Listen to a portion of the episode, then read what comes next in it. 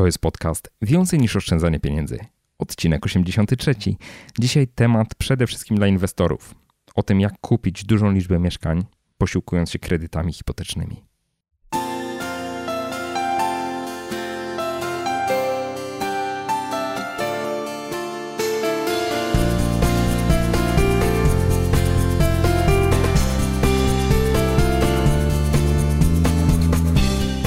Cześć, dzień dobry. Witam Cię w 83. odcinku podcastu Więcej niż oszczędzanie pieniędzy. Ja nazywam się Michał Szafrański i w tej audycji przedstawiam konkretne i sprawdzone sposoby pomnażania oszczędności. Opowiadam, jak rozsądnie wydawać pieniądze i jak odważnie realizować swoje pasje i marzenia. Jeśli tylko szukasz odrobiny stabilizacji finansowej i emocjonalnej w swoim życiu, to ten podcast jest dla Ciebie.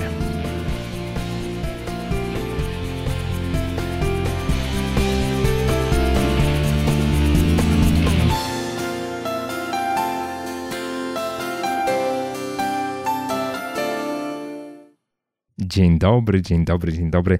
Jak wiecie, skończyłem już pracę nad pisaniem książki, nad wydaniem książki. Książka się sprzedaje świetnie i myślę, że to jest dobry moment, żeby trochę wrócić do innych obszarów mojego życia, między innymi do tematu, który wiąże się z inwestowaniem zarobionych pieniędzy. No skoro zarabiam pieniądze, to chcę je inwestować po to, żeby produkowały jeszcze większe pieniądze. Czemu nie? Myślę, że dzisiejszy odcinek podcastu spodoba się przede wszystkim tym osobom, które mają dużą zdolność kredytową, podobnie jak ja, i jednocześnie zainteresowane są nabywaniem nieruchomości na wynajem. Nieruchomości, mieszkań na wynajem, czyli w celu uzyskiwania przychodów z wynajmu nieruchomości. Masło maślane powiedziałem. No cóż, więc tak. Mm, jeżeli słuchaliście 68 odcinka podcastu, który był nagrany na przełomie 2015-2016 roku, to ja tam opowiadałem o tym, jak inwestuję, czego się obawiam w roku 2016. I jako jeden z moich priorytetów pokazywałem to, że chcę wyprowadzić kapitał z banków, czyli po to, żeby nie wszystko albo nie, niezbyt dużo oszczędności leżały na kontach bankowych, no bo wiadomo, że tam nie zarabiają, chce je wyprowadzić z banków, tak? Tak w dużym uproszczeniu. I powstał taki sprytny plan, żeby te, nieruchom te nieruchomości, już, już, już, już głodnemu chleb na myśli, no. Powstał taki sprytny plan, żeby te pieniądze po prostu przeznaczyć na zakup nieruchomości. Tak myślałem o tym, żeby kupować za gotówkę, e, kupię jedno, dwa mieszkania powiedzmy, no może trzy się uda kupić, tak? I jak głęboko się nad tym zastanowiłem, no to pomyślałem sobie, kurczę, ale dlaczego ja mam wszystko kupować za gotówkę? Skoro kupuję i tak nieruchomości, które na siebie zarabiają, zarabiają na koszty odsetek również od kredytów, to czemu nie kupować tych nieruchomości posiłkując się kredytami hipotecznymi? Dzięki temu będę mógł ich kupić więcej. Oczywiście ktoś może powiedzieć, że to jest ryzykowne, no bo bierzesz na siebie dużo kredytów hipotecznych, ale z drugiej strony zakładam, że będę miał zdolność do zarabiania pieniędzy. W związku z tym, jeżeli biorę kredyty w tej samej walucie, w której zarabiam, jednocześnie biorę je w sposób mądry, na przykład z 30% wkładem własnym na niezbyt długi okres i tak dalej, no to ma to sens, tak? A poza tym, jeżeli traktuję to jako kredyt inwestycyjny, tak naprawdę dla mnie nie jest wcale priorytetem, czyli nie musi być priorytetem branie kredytów na krótki okres, dlatego że odsetki i tak traktowane są jako koszt uzyskania przychodu w przypadku rozliczania przychodów z najmu na skali podatkowej bądź rozliczania je podatkiem liniowym. Też tak można. Więc przyjąłem takie założenie, że zamiast kupować dwa czy trzy mieszkania za gotówkę, to kupię trzykrotnie więcej mieszkań, posiłkując się kredytami hipotecznymi, yy, wkładając wkład własny na poziomie 30%. Mam nadzieję, że to jest zrozumiałe. Ok? Teraz pewna wątpliwość, która się pojawiła, jest taka. Czy banki będą chciały udzielić mi aż tylu kredytów hipotecznych? Przecież kredyty hipoteczne przeznaczone są przede wszystkim na finansowanie zakupu mieszkania na własne potrzeby mieszkaniowe. Tak? Więc, żeby nie zgadywać, zaprosiłem do tego odcinka podcastu Ronalda Szczepankiewicza, doradcę kredytowego, z którym współpracuję. Ronald po raz czwarty występuje w moim podcaście i opowiada właśnie o wszelkich niuansach brania kredytów hipotecznych. Tym razem zastanawiamy się, rozpracowujemy po prostu mój scenariusz, czyli jak kupić 10 mieszkań na wynajem w niedługim czasie, posiłkując się dużą zdolnością kredytową, którą się ma, czy taki plan w ogóle jest możliwy? Czy on ma szansę powodzenia? Jak się za to zabrać? Na co uważać? Zapraszam serdecznie do wysłuchania naszej rozmowy. Cześć Ronald. Cześć Michał. Dawno się nie widzieliśmy, co? No, już trochę czasu minęło. Wiesz, zazwyczaj pytam gości, proszę o to, żeby się sami przedstawili, ale w Twoim przypadku to myślę, że ja muszę się przedstawić. To jest tak, że z Ronalda chyba przedstawiać nie trzeba, tak powiem w skrócie, bo słyszeliście go już i w dziewiątym, i w czterdziestym, i w pięćdziesiątym ósmym odcinku podcastu. I Ronald jest specem od kredytów hipotecznych, taką osobą, do której ja odsyłam wszystkich, którzy pytają mnie, a czy masz jakiegoś doradcę dobrego kredytowego do polecenia? Także jesteś pierwszym gościem, który występuje po raz czwarty w podcaście. Bardzo mi miło. No, także mm, rozpoczynasz nową erę zupełnie. Już kilka osób było trzy razy, ale nikt nie był po raz czwarty. Wróciłeś. Dzięki wielkie, że wróciłeś. To powiedz teraz ty kilka słów o sobie. Co się zmieniło od czasu, kiedy ostatnio rozmawialiśmy? Może na początku jeszcze raz się przedstawię. Ronald Szczepankiewicz. Także Michał, co się zmieniło? Raczej ja ci powiem, co się nie zmieniło. Dalej pracujemy tylko i wyłącznie na rekomendacjach, mhm. tak? czyli klienci, którzy do nas trafiają, trafili, ponieważ już ktoś skorzystał z naszych usług i trafił do nas z powrotem, ponieważ no, polecił nas, polecała nas konkretna osoba. Także to się nie zmieniło. Dalej robimy dobrą robotę, to o tym mogą powiedzieć twoi jakby słuchacze, czyli też po części nasi klienci. Działamy w segmencie rynku kredytów hipotecznych i dalej będziemy działać jako no RM właśnie. kredyty. No właśnie i tutaj ja z taką nadzieją do ciebie puknąłem, y, że, że nadal robisz to, co robisz. Wiedziałem, że robisz to, co robisz, ale y, zależało mi na tym, żebyśmy porozmawiali dzisiaj z trochę innej perspektywy niż dotychczas, bo tak, mówiliśmy już sobie o tym, jak krok po kroku wziąć kredyt hipoteczny. Tak jest. E, mówiliśmy sobie o tym również, w jaki sposób kredyt refinansować. To była nasza poprzednia rozmowa, tak ostatnia jest. rozmowa. I mówiliśmy też o tym, jak budować zdolność kredytową. A mam też bardzo dużo takich y, próśb y, i no, próśb przede wszystkim, można powiedzieć, ze strony czytelników, żeby poruszyć temat inwestowania w nieruchomości i tego, jak wziąć więcej niż jeden kredyt hipoteczny. I tak sobie pomyślałem, że y, z bardzo grubej rury cię przepytam. Weźmiemy na stół mój przypadek. Wszyscy dobrze wiedzą, moi czytelnicy, że w ubiegłym roku całkiem dobrze zarobiłem na blogu. Zdradzałem również w takim odcinku, który był na przełomie 2015 i 2016 roku, że e, nie do końca dobrze się czuję trzymając pieniądze w banku, w związku z tym tak. inwestuję w nieruchomości. No i szukam, szukam w tej chwili takiego sposobu, omówimy sobie taki scenariusz, jak mając zdolność kredytową, na przykład wygenerowaną właśnie przez własną firmę albo przez olbrzymie zarobki na pracy etatowej, ale abstrahujmy od zdolności, ale jak w takim przypadku kiedy ta zdolność jest, można na przykład kupić 10 nieruchomości na wynajem. Bo to jest, nie ukrywam, taki plan, który e, ja w pewnym sensie, no można powiedzieć, chodził mi po głowie, jak go powoli realizuję.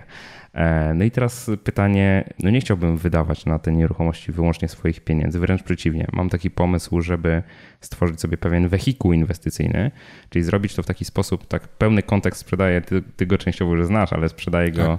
sprzedaję go czytelnikom i słuchaczom, żeby stworzyć sobie taki wehikuł inwestycyjny, że ja mam dosyć duży wkład własny w każde mieszkanie, czyli jednak kapitał trochę z banku wyprowadzam, wkład własny na poziomie powiedzmy 30%, ale jednocześnie no, 2 trzecie wartości tego mieszkania, czyli 70% wartości mieszkania, żeby być dokładnie, dokładnym, jednak pozyskuje finansowanie z banku w formie kredytu tak. hipotecznego.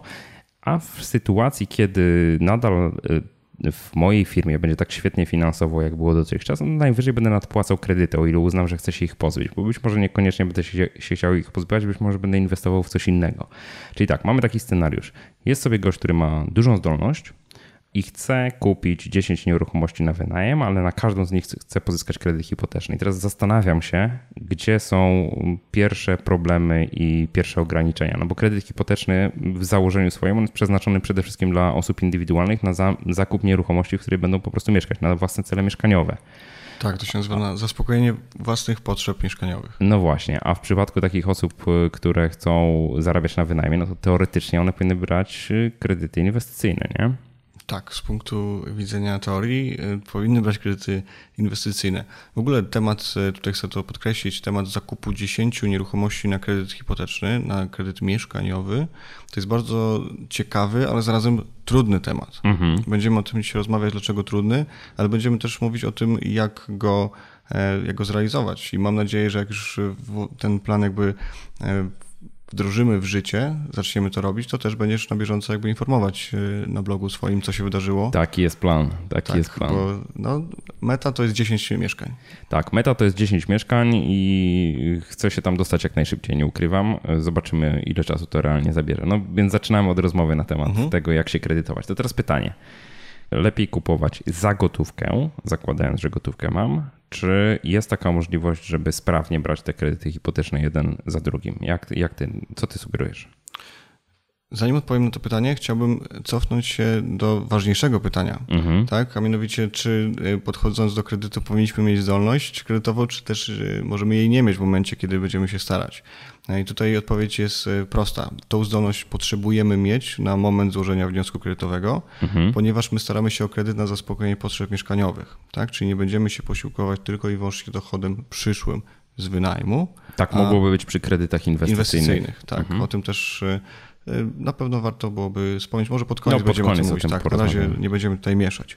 Więc tą zdolność kredytową trzeba mieć i jeżeli mówimy o tak dużej ilości mieszkań, to w idealnym takim scenariuszu nie tyle powinniśmy mieć zdolność na to jedno mieszkanie, które chcemy kupić na początku, mhm. ale też na kolejne następne.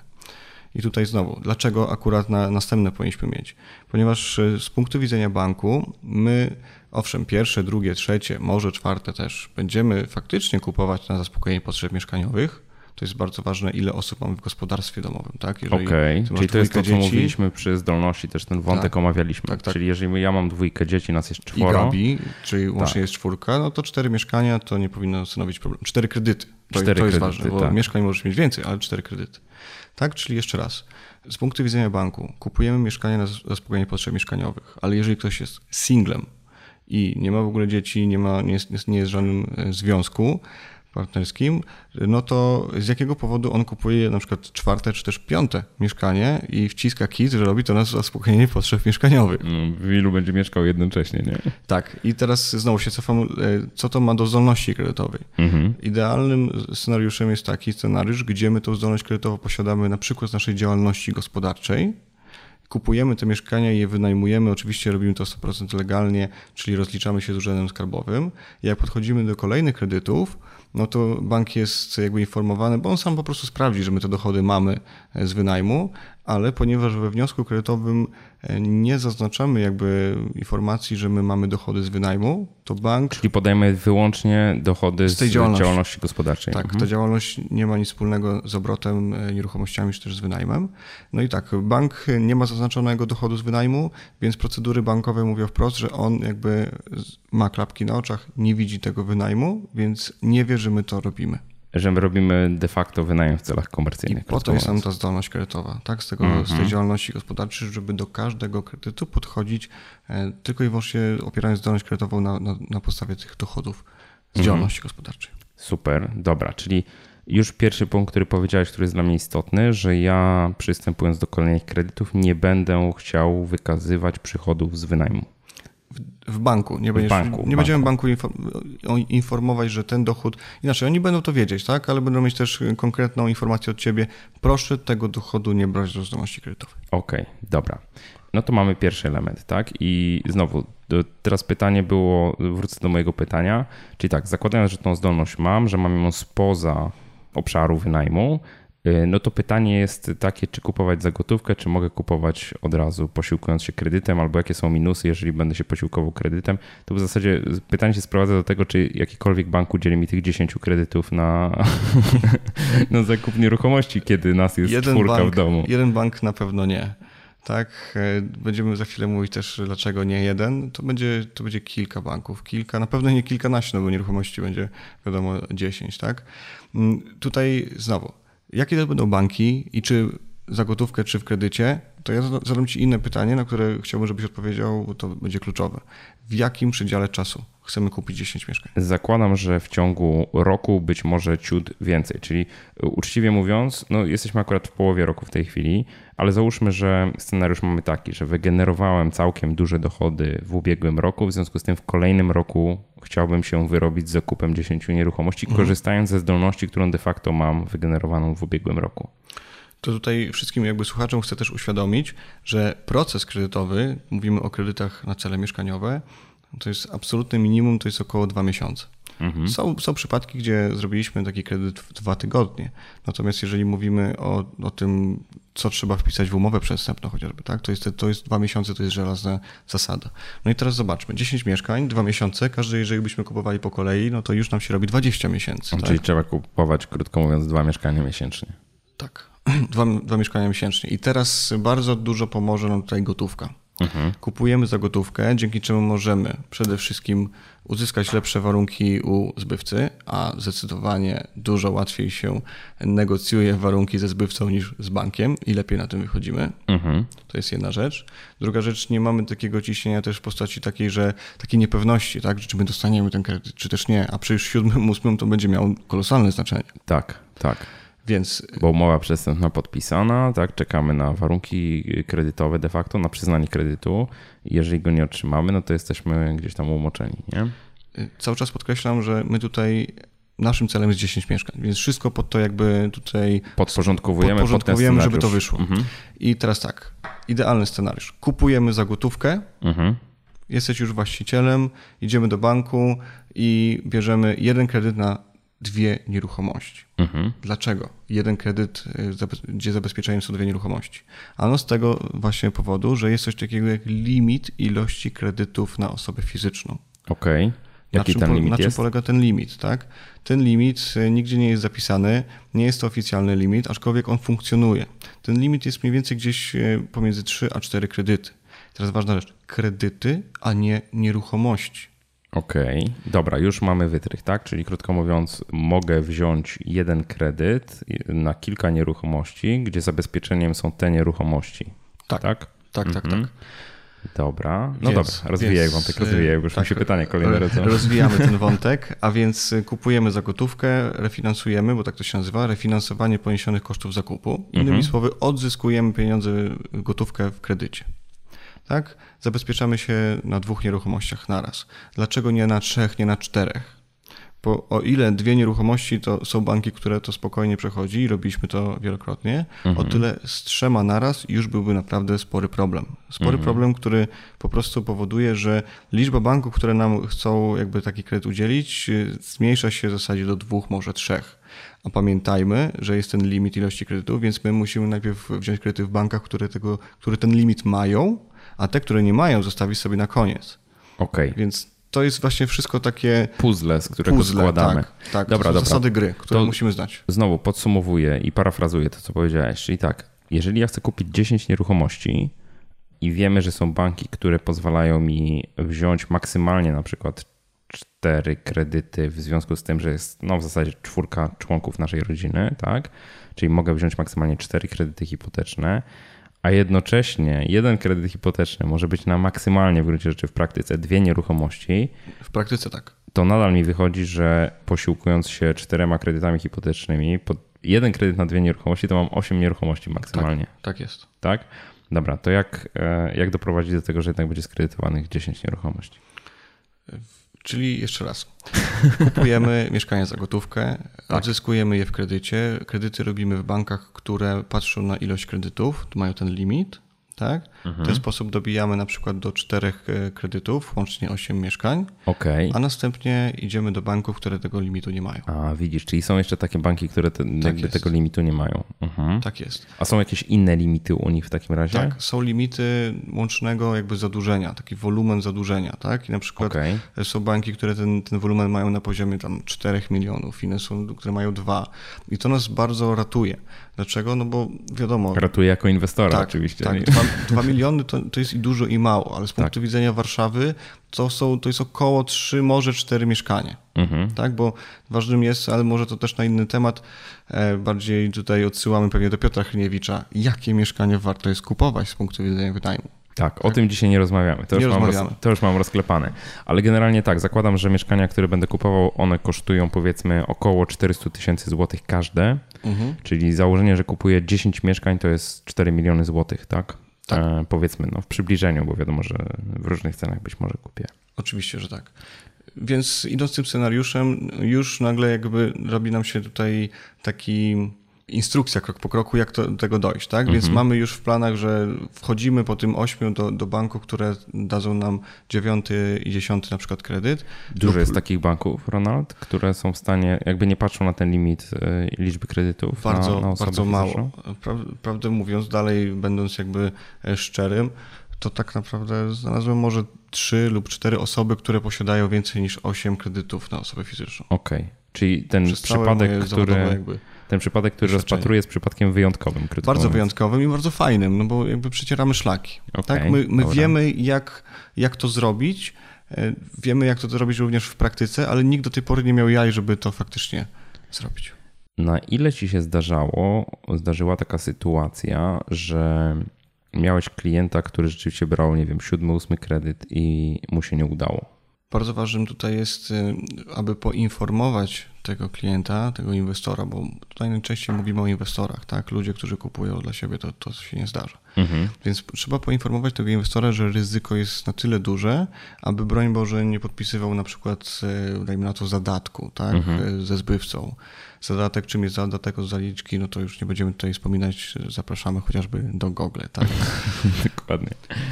Więc ważnym jest, aby mieć z tyłu głowy cały czas, że to może się nie powieść. Więc albo w takiej sytuacji kupujemy za gotówkę tę Mhm. nieruchomość i wtedy staramy się za jakiś czas do innego banku, albo nie robimy zadatku, czyli wtedy sobie odpuszczamy temat, no okej, nie udało się, więc, więc nie, nie przechodzimy przez to. Mhm. Y, Pytasz mnie, ile takich sytuacji się nie udało?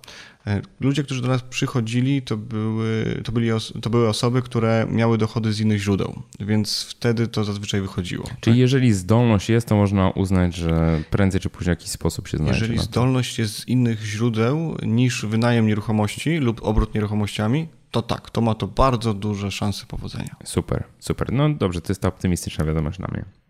Czyli tak, co, co jeszcze w tym temacie powinienem uwzględnić? Yy, Powiedziałeś o tym, że można objąć dwie nieruchomości jednym kredytem, czyli w praktyce kupuję dwa mieszkania, idę do banku i składam wniosek kredytowy na kredyt hipoteczny jeden na dwie nieruchomości. Tak jest. I te nieruchomości się wskazuje normalnie. G- Tak. Gdzie się wpisuje, gdzie bank się wpisuje na hipotekę? Rozumiem, na Bank obydwa te mieszkania? Czy... oczywiście w księgę wieczystą, Tak. tak? W czwartym, czwartym dziale księgi wieczystej.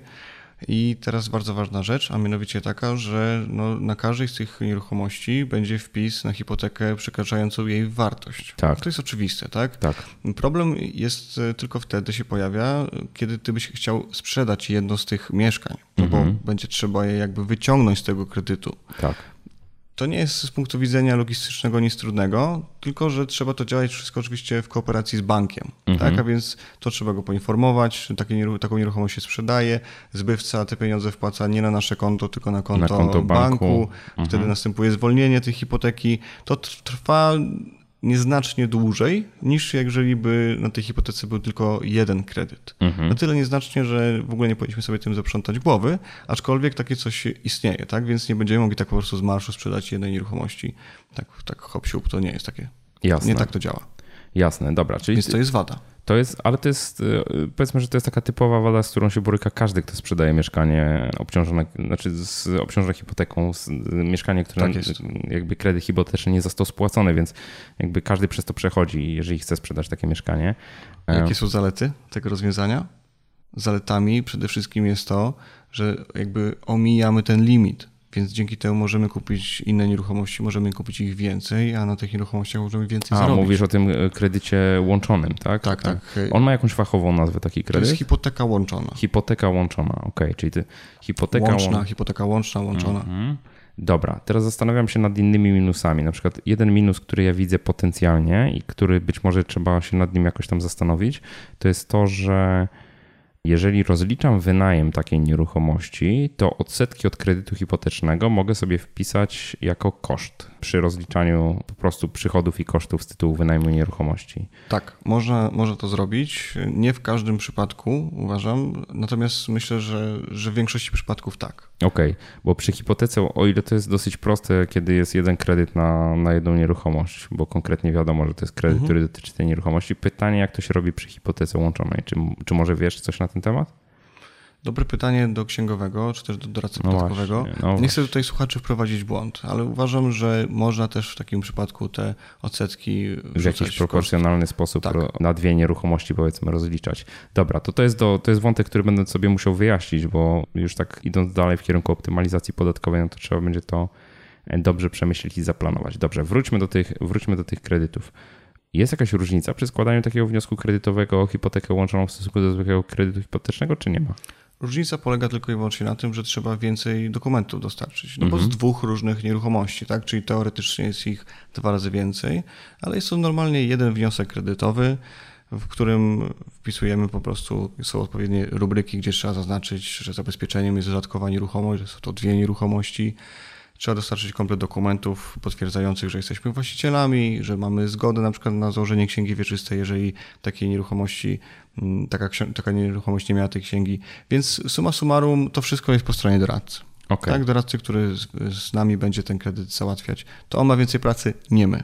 Sama procedura jest tak samo długa jak przy kredycie hipotecznym, czy, czy jest dłuższa? Uważam, że jest krótsza z tego mhm. powodu, ponieważ my jesteśmy już właścicielami tej nieruchomości. Okej, okay. czyli przy refinansowaniu po prostu jest e, krócej. Nie zawsze. Nie chciałbym, żeby słuchacze tutaj zapamiętali, że to jest zawsze krócej. Nie, to nie jest krócej, ale może być. Dzięki mhm. temu, że jesteśmy już właścicielami te, tego mieszkania. Mhm, super. Dobra, to co jeszcze powinniśmy wiedzieć o, tej, o takiej procedurze? Powinniśmy jeszcze wiedzieć e, bardzo ważną rzecz, czy można nieruchomości z licytacji komorniczej objąć kredytem, hipoteką tą łączoną łączną. Okej, okay, mów. Po pierwsze, jeżeli kupujemy nieruchomość z licytacji komorniczej, możemy posiłkować się tutaj kredytem hipotecznym. Mhm. Jest to trudne, robi to dosłownie garstka banków, ale jednak można. Problemem jest tutaj czas ponieważ tak. od momentu wygrania jakby tej, tej licytacji komorniczej mamy bardzo krótki czas, żeby wpłacić te pieniądze, tę pozostałą kwotę. Mhm. Bardzo często banki po prostu nie wyrabiają się z decyzją, czy też z całym procesem kredytowym, aby te pieniądze faktycznie uruchomić. Inne problemy są takie na przykład, czy dana nieruchomość, jeżeli jest licytacji komorniczej, to czy można w ogóle tam zrobić jej wycenę nie mówimy tutaj o operacie szacunkowym, który nam dostarczono do licytacji, tylko o tym, że bank na przykład chciałby zobaczyć zdjęcie ze środka, a tam cały czas jeszcze ktoś może być przecież, prawda? Więc e, to jest bardzo trudne, żeby połączyć mm, nieruchomość e, z bankiem, tak, żeby on mógł wejść tam i zrobić te zdjęcia. Mhm. Kolejna rzecz, że pieniądze z kredytu e, właśnie tego przy licytacji komorniczej muszą być uruchomione jakby przed aktem notarialnym. Tak. I tu jest największy jakby szkopuł, tak, że tylko kilka banków to zrobi.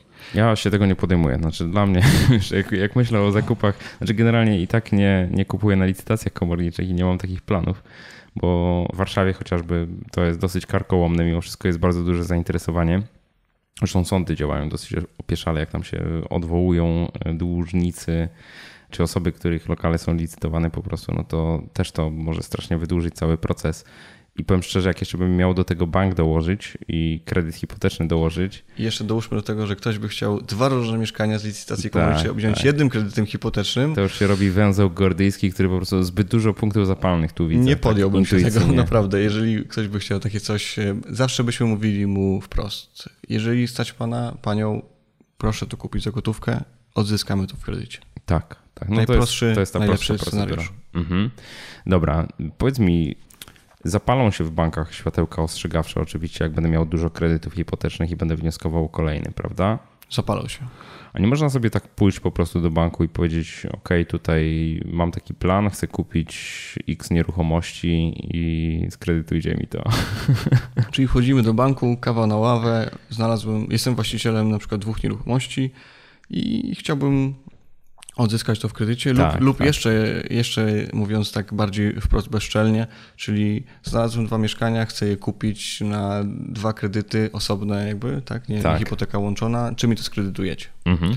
I znowu, jeżeli są to dwa mieszkania, to są banki, które będą chciały to zrobić. Przy trzech jest spory problem. Tak? Ale nadal będą prawdopodobnie patrzyły na to, czy jakby liczby, czy ja to kupuję na cele mieszkaniowe. No zawsze będą Oczywiście, że tak, zawsze mhm. będą na to patrzeć.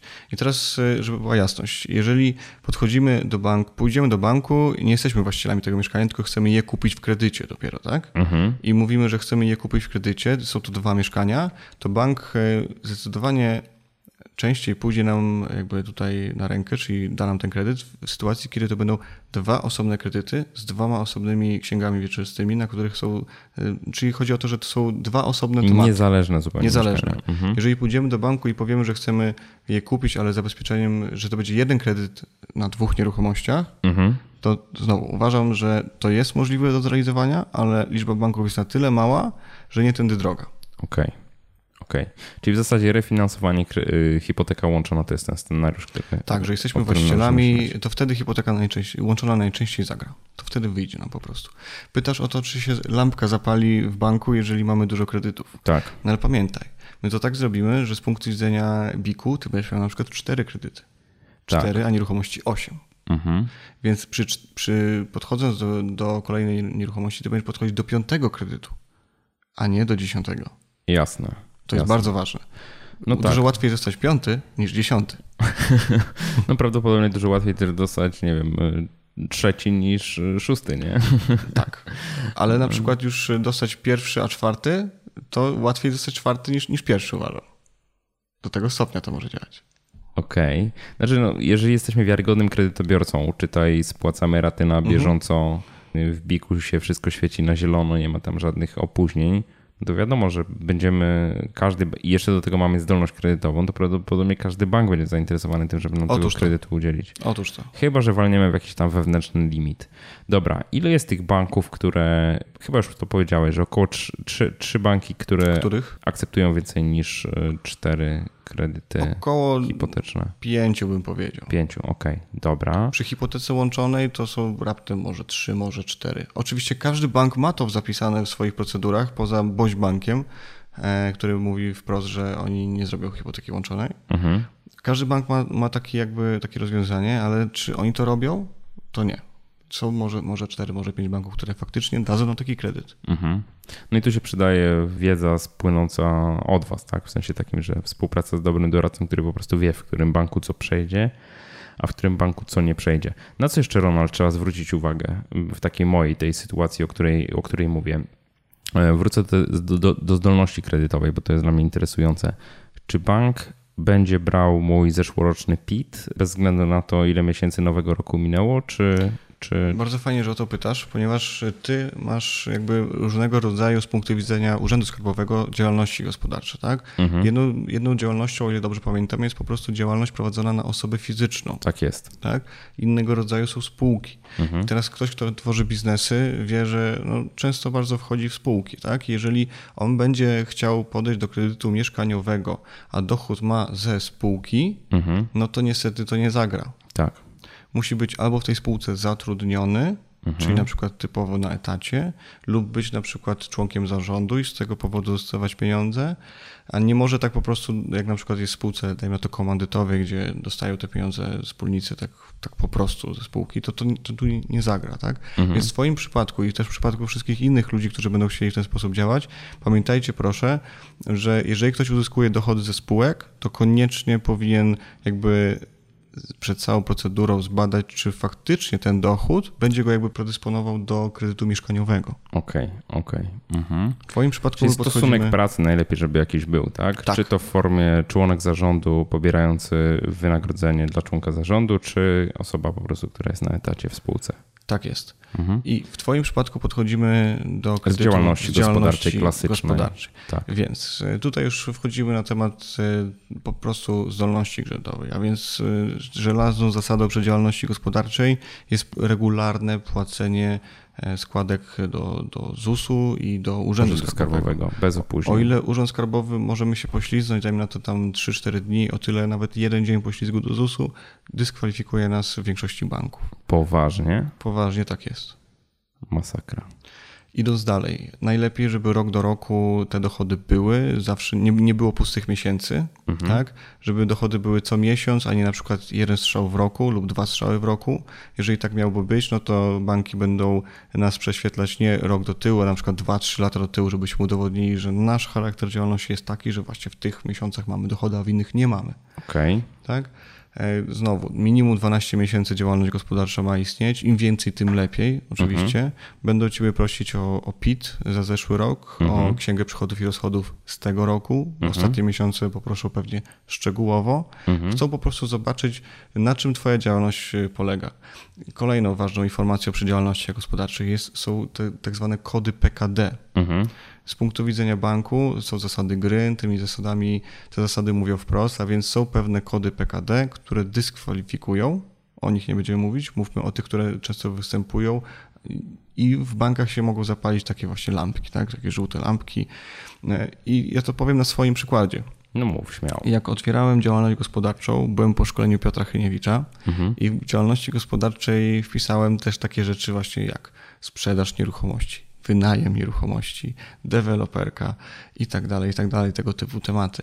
Tak, te, tego typu po prostu te kody PKD. I jeżeli ja podchodziłem do kredytu hipotecznego i po prostu starałem się o ten kredyt, no to bank widział, że ja takie rzeczy też mam powpisywane w kodzie PKD mhm. i automatycznie po prostu bank za bankiem szły decyzje negatywne. Niby tutaj szef bez butów chodzi, ale ja po prostu totalnie o tym zapomniałem. Wpisałeś do PKD. Wpisałem, okay. zapomniałem. Mhm. I one są. I one się ciągną po dziś dzień za mną. Jeżeli bym je usunął, to i tak będzie w historii widać, że ja je usunąłem. Będą pytania dlaczego, więc wolę je po prostu zostawić. Mhm. Tak? Więc istotnym jest bardzo e, to, co my tym, w tym PKD wpiszemy. Działalność działalności nierówna. Tak? Najlepiej właśnie spotkać się ze sprawdzonym doradcą, żeby on sprawdził, czy nasz dochód działalności nadaje się do tego typu. Kwalifikuje się tak, do uzyskania kredytu mieszkaniowego. Mhm. Dokładnie tak. Wspomniałeś jeszcze o bardzo ważnej informacji z punktu widzenia tych 10 mieszkań, a mianowicie o wkładzie własnym. Mhm. Wkład własny jest przepustką do większej ilości kredytów hipotecznych. Super przepustką z tego powodu, ponieważ jeżeli bank widzi, że ktoś e, ma w ten wkład własny, już pomijam fakt, że odblokowują nam się banki, których wcześniej nie mieliśmy. Mhm. Są banki, które ten wkład własny wymagają na poziomie na przykład 20%. ING jest takim bankiem, tak? chociażby. Więc jeżeli my, my ten wkład własny dajemy na poziomie 20-30%, bank jest zdecydowanie bardziej jakby skory dać nam ten kredyt, mówimy cały czas o kredycie mieszkaniowym, na przykład 7, 8, 9, niż jeżeli tego wkładu byśmy nie mieli i jeszcze tak e, próbowali go jakby uzyskać na różnego rodzaju sposoby. Mm -hmm. Więc bardzo dobrze, że ten wkład własny tutaj, tutaj masz. Mam, no takie mam założenie, tak? Zamiast kupować mieszkania wyłącznie za gotówkę, bo to nie pozwoliły mi na pewno kupić 10 mieszkań, to albo inaczej, zamiast kupić jedno mieszkanie za 400 tysięcy, wolę kupić trzy mieszkania za 400 tysięcy, e, wkładając po 30% wkładu własnego w każde po prostu i tyle. Tak, jak rozmawialiśmy tutaj poza mikrofonami, wspomniałeś właśnie o tym, że masz te pieniądze w bankach, chciałbyś się wyprowadzić, tak? I tutaj znowu, tutaj jakby ja podsumuję to, co ty chcesz zrobić. Z swojego punktu widzenia możesz kupić na przykład dwa, trzy mieszkania. Ale po co, skoro możesz kupić na przykład właśnie te 10, tak? I te pieniądze wykorzystać jako wkład własny. Czyli wyprowadzasz te pieniądze z banku, one są zainwestowane w nieruchomości, które są jakby płynne, można tak to nazwać. Nie ma ich w banku, a one jeszcze cały czas pracują, zarabiają jakby. No to jest, to jest bardzo dobry sposób. Tutaj e, mówię do ludzi, którzy trzymają te pieniądze w bankach, trzymają znaczne sumy gdzieś tam na lokatach, żeby zastanowiły się, czy przypadkiem może nie pójść w śladami Michała, który w ten sposób. No ale to też od razu powiem, że jakby z głową, z głową, bo to też tak jest, że nieruchomość nieruchomości nierówna, absolutnie. Absolutnie do niczego nie zachęcamy też, raczej pod rozwagę dajemy taki temat. Ja w moim przypadku, ja, ja, o tym dokładnie mówiłem, to był chyba 69 odcinek podcastu. Odeślę w notatkach pod tym odcinkiem. Mówiłem o tym, jaką mam swoją strategię, tak, i jaka ta strategia jest i dlaczego nie lubię trzymać zbyt dużo pieniędzy w bankach w obecnej sytuacji. No i po prostu szukam y, dywersyfikacji. To nie znaczy, że ja wyprowadzę wszystkie pieniądze, wszystkie ulokuję w nieruchomościach, Oczywiście. absolutnie nie, ale jakby nieruchomości są bardzo y, istotnym elementem mojego portfela i to jest to, co to, co będę chciał realizować. To tak już tytułem dygresji i uzupełnienia też, żeby nie było tak, że mówimy, że nieruchomości są absolutnie świetne. One są świetne, ale dla tych osób, które e, po pierwsze je rozumieją, po drugie lubią, po trzecie chcą. Oczywiście, tak, tak, No właśnie. Ronald, co jeszcze powinniśmy dodać? Powinniśmy dodać temacie? tutaj temat, kto ci będzie szukał tych nieruchomości. A no właśnie.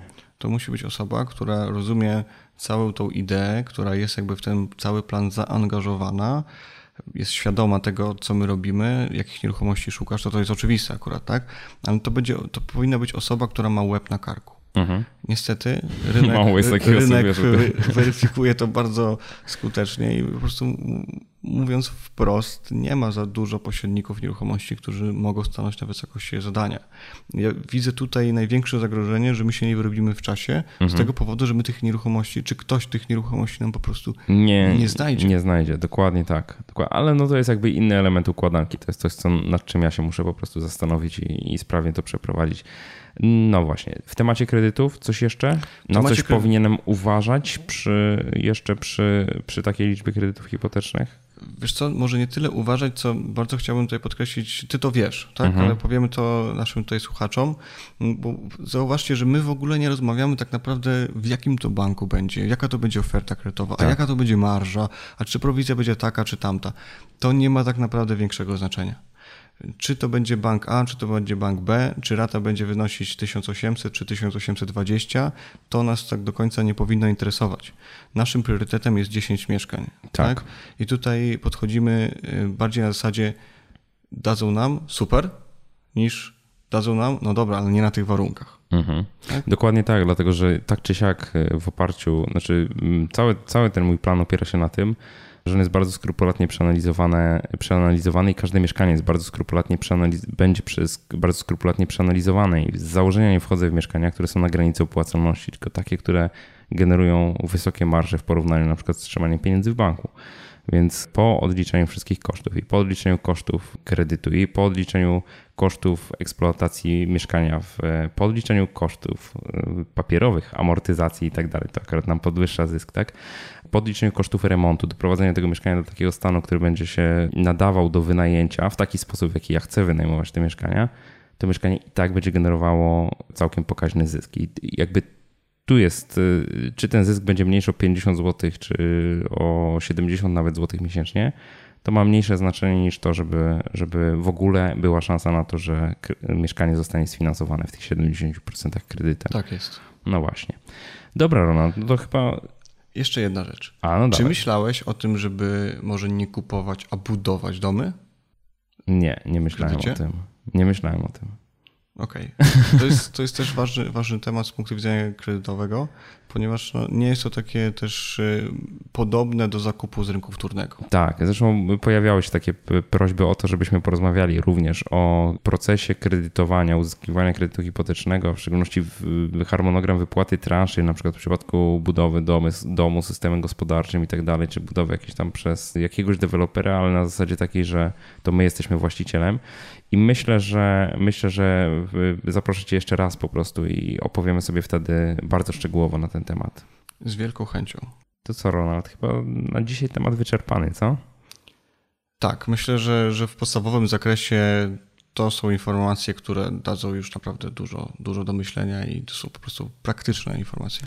Dobra, super Aśnie. No nareszcie wiem, jak się za to zabrać.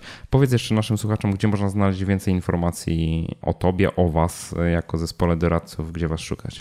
Tak jak wspominałem na początku, reprezentuję firmę RM Kredyty. Nasza strona internetowa to rmkredyty.pl.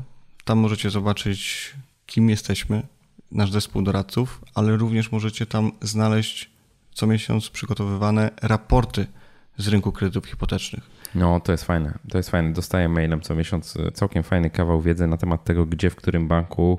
Po pierwsze, jacy klienci są bardziej preferowani przez jaki bank, ale też po drugie, wy zawsze trochę tak robicie, że jakieś aktualne promocje tam wrzucacie. Tak, to był raport, który został stworzony na potrzeby inwestorów, tak? Mhm. czyli jaki bank najlepszy jest dla inwestorów, który nie wymaga wkładu własnego. Takie były wtedy czasy. Dzisiaj robimy to jakby szerzej, tak? do szerszego, szerszej grupy odbiorców. Ofer oferty aktualne, które są w bankach, które są najlepsze, które omijać. Oczywiście dajemy również artykuły związane bezpośrednio z zakupem nieruchomości na kredyt, moje jakby spostrzeżenia, moje triki, tak to nazwijmy, tak? poradniki, jak co dane, daną nieruchomość, jak, w jaki sposób ją na przykład skredytować. Okej, okay. i przypomnę jeszcze, bo myślę, że warto przypomnieć, ty jesteś autorem książki. Książka się nazywa Tajna broń kredytobiorcy. Tajna broń kredytobiorcy, dokładnie. Tak, i to jest książka z kolei dla osób, które chciałyby rzeczywiście same przejść przez ten proces, niekoniecznie korzystając z usług doradcy. Tam dostaną kawę na ławę, ale również dobrze tą kawę na ławę, że tak powiem, wchłonąć, nawet jeżeli się zamierza korzystać z usług doradcy, tak. bo, bo po prostu tam jest y, komplet wiedzy na temat tego, jak się dobrze przygotować do wzięcia kredytu hipotecznego. Tam są opisane, tam jest wiedza, o której nawet nie, większość ludzi nie ma pojęcia, że to istnieje, tak? A mhm. to pozwoli naprawdę dużo zaoszczędzić pieniędzy. Sporo pieniędzy zaoszczędzić, dokładnie tak. Ja wiem też, Ronald, że chyba już można cię też zobaczyć na YouTubie. Tak. Co prawda są to na razie dwa jakby nagrania. Nagrania z moich wykładów dla szkoły Asbiro. Mhm. Tych nagrań będzie więcej. Sukcesywnie będziemy dawać kolejne wykłady w Polsce i z każdego takiego wykładu będzie nagranie na YouTubie. Super, super. Ja zalinkuję, wrzucę też w notatkach e, pod tym odcinkiem podcastu te linki do tych e, nagrań, które już są. Jak będziecie chcieli Ronalda w końcu zobaczyć, jak on naprawdę wygląda, nie tylko usłyszeć jego głos, to zapraszam do obejrzenia na YouTubie. Dzięki wielkie Ronald, że wpadłeś. Dziękuję również. Czwarty raz, czwarty raz zaliczony Mam nadzieję, w podcaście Łusza Frańskiego, także nie jest źle. No jesteśmy, osoba, tak? jesteśmy umówieni, jako pierwsza osoba. I jesteśmy umówieni zdecydowanie na piąty, nasz, tak naszą piątą wspólną rozmowę. Jak budować na kredyt. Dom. Tak, jak zbudować dom na kredyt, bo to jest y, temat, o który rzeczywiście parę osób mnie już prosiło mailowo a myślę, że będzie przydatny także większej liczbie. Ja jeszcze wspomnę, że jeżeli macie pytania i czy daną nieruchomość skredytować, w ogóle dotyczące kredytu hipotecznego, piszcie do Michała. Michał nam te sprawy zawsze przekazuje i my po prostu odpowiemy na nie. a ja powiem, dlaczego pisać do mnie, a nie do Ronalda bezpośrednio, bo z kolei ja, jest tak, że ja Ronalda non-stop polecam czytelnikom, ale też proszę każdorazowo, każdej osobie, której przekazuję bezpośredni kontakt, żeby napisała mi, czy jest z tej współpracy zadowolona, czy nie. I na razie przez 3 lata macie po prostu świetny, jak to Amerykanie mówią, track of record, bo to jest coś takiego, co, co, co najlepiej pokazuje, że robicie dobrą robotę. Znaczy ja tych żali na was praktycznie nie otrzymuję i wręcz przeciwnie, same pozytywne opinie, więc ja jestem zadowolony ze współpracy, większość, dlatego, cię, dlatego cię polecam i dlatego prosto patrząc ci w oczy mówię, że jeżeli coś będzie źle, no to przestanę cię polecać oczywiście, ale myślę, że na to się nie zapowiada, także... Bierzemy to na klatę. Ja, ja bardzo proszę was, jeżeli kiedykolwiek otrzymaliście ode mnie kontakt do Ronalda albo otrzymacie w przyszłości, to żebyście też wracali z informacją, na ile usługi jego i jego zespołu e, były dla was e, przydatne, ok, w porządku, super i tak tak dalej. Ja też chcę o tym wiedzieć po prostu. Też, żeby ewentualnie kolejnym osobom takie konkretne sugestie już podsuwać. Dzięki wielkie Ronald jeszcze raz za to, że wpadłeś. Bardzo dziękuję za możliwość. I do usłyszenia następnym razem. Do usłyszenia. Dzięki wielkie Ronald za przyjęcie czwartego kolejnego zaproszenia do, do mojego podcastu. Ja sobie teraz muszę to wszystko bardzo dokładnie w głowie poukładać, na kartce poukładać, zaplanować w Excelu. Także trzymajcie wszyscy kciuki, żeby, żeby mi się to udało, bo Myślę, że to będzie całkiem ciekawe kolejne case study, które będę przedstawiał na blogu. Mam taki plan, żeby zakupy tych mieszkań, które będę kupował w celach inwestycyjnych, również pokazywać od początku do końca na blogu w formie e, case study. Przypominam oczywiście, że wszystkie linki do omawianych przez nas zasobów znajdziecie w notatkach do tego odcinka podcastu pod adresem jakoszczędzaćpieniądze.pl ukośnik 083. I przypominam też, że nadal trwa promocyjna sprzedaż mojej książki Finansowy Ninja. Ona nie będzie trwała wiecznie. Ten podcast powinien się ukazać prawdopodobnie w poniedziałek 22 sierpnia, a przedsprzedażowa promocja książki trwa tylko do piątku 26 sierpnia. Po dniu premiery wszystkie promocyjne pakiety po prostu znikną. Książka będzie dostępna w regularnej cenie ja bardzo lojalnie o tym uprzedzam, zachęcam do zakupów przed sprzedaży te osoby, które jeszcze tego nie uczyniły, a wszystkim pozostałym po prostu bardzo, bardzo, bardzo, bardzo, ale to bardzo mocno dziękuję. E, jesteście absolutnie świetni. Wielkie dzięki. I tyle na dzisiaj, nie będę już przedłużał. Dzięki wielkie za wspólnie spędzony czas i nieustająco życzę Ci skutecznego przenoszenia Twoich celów finansowych na wyższy poziom. Trzymaj się i do usłyszenia.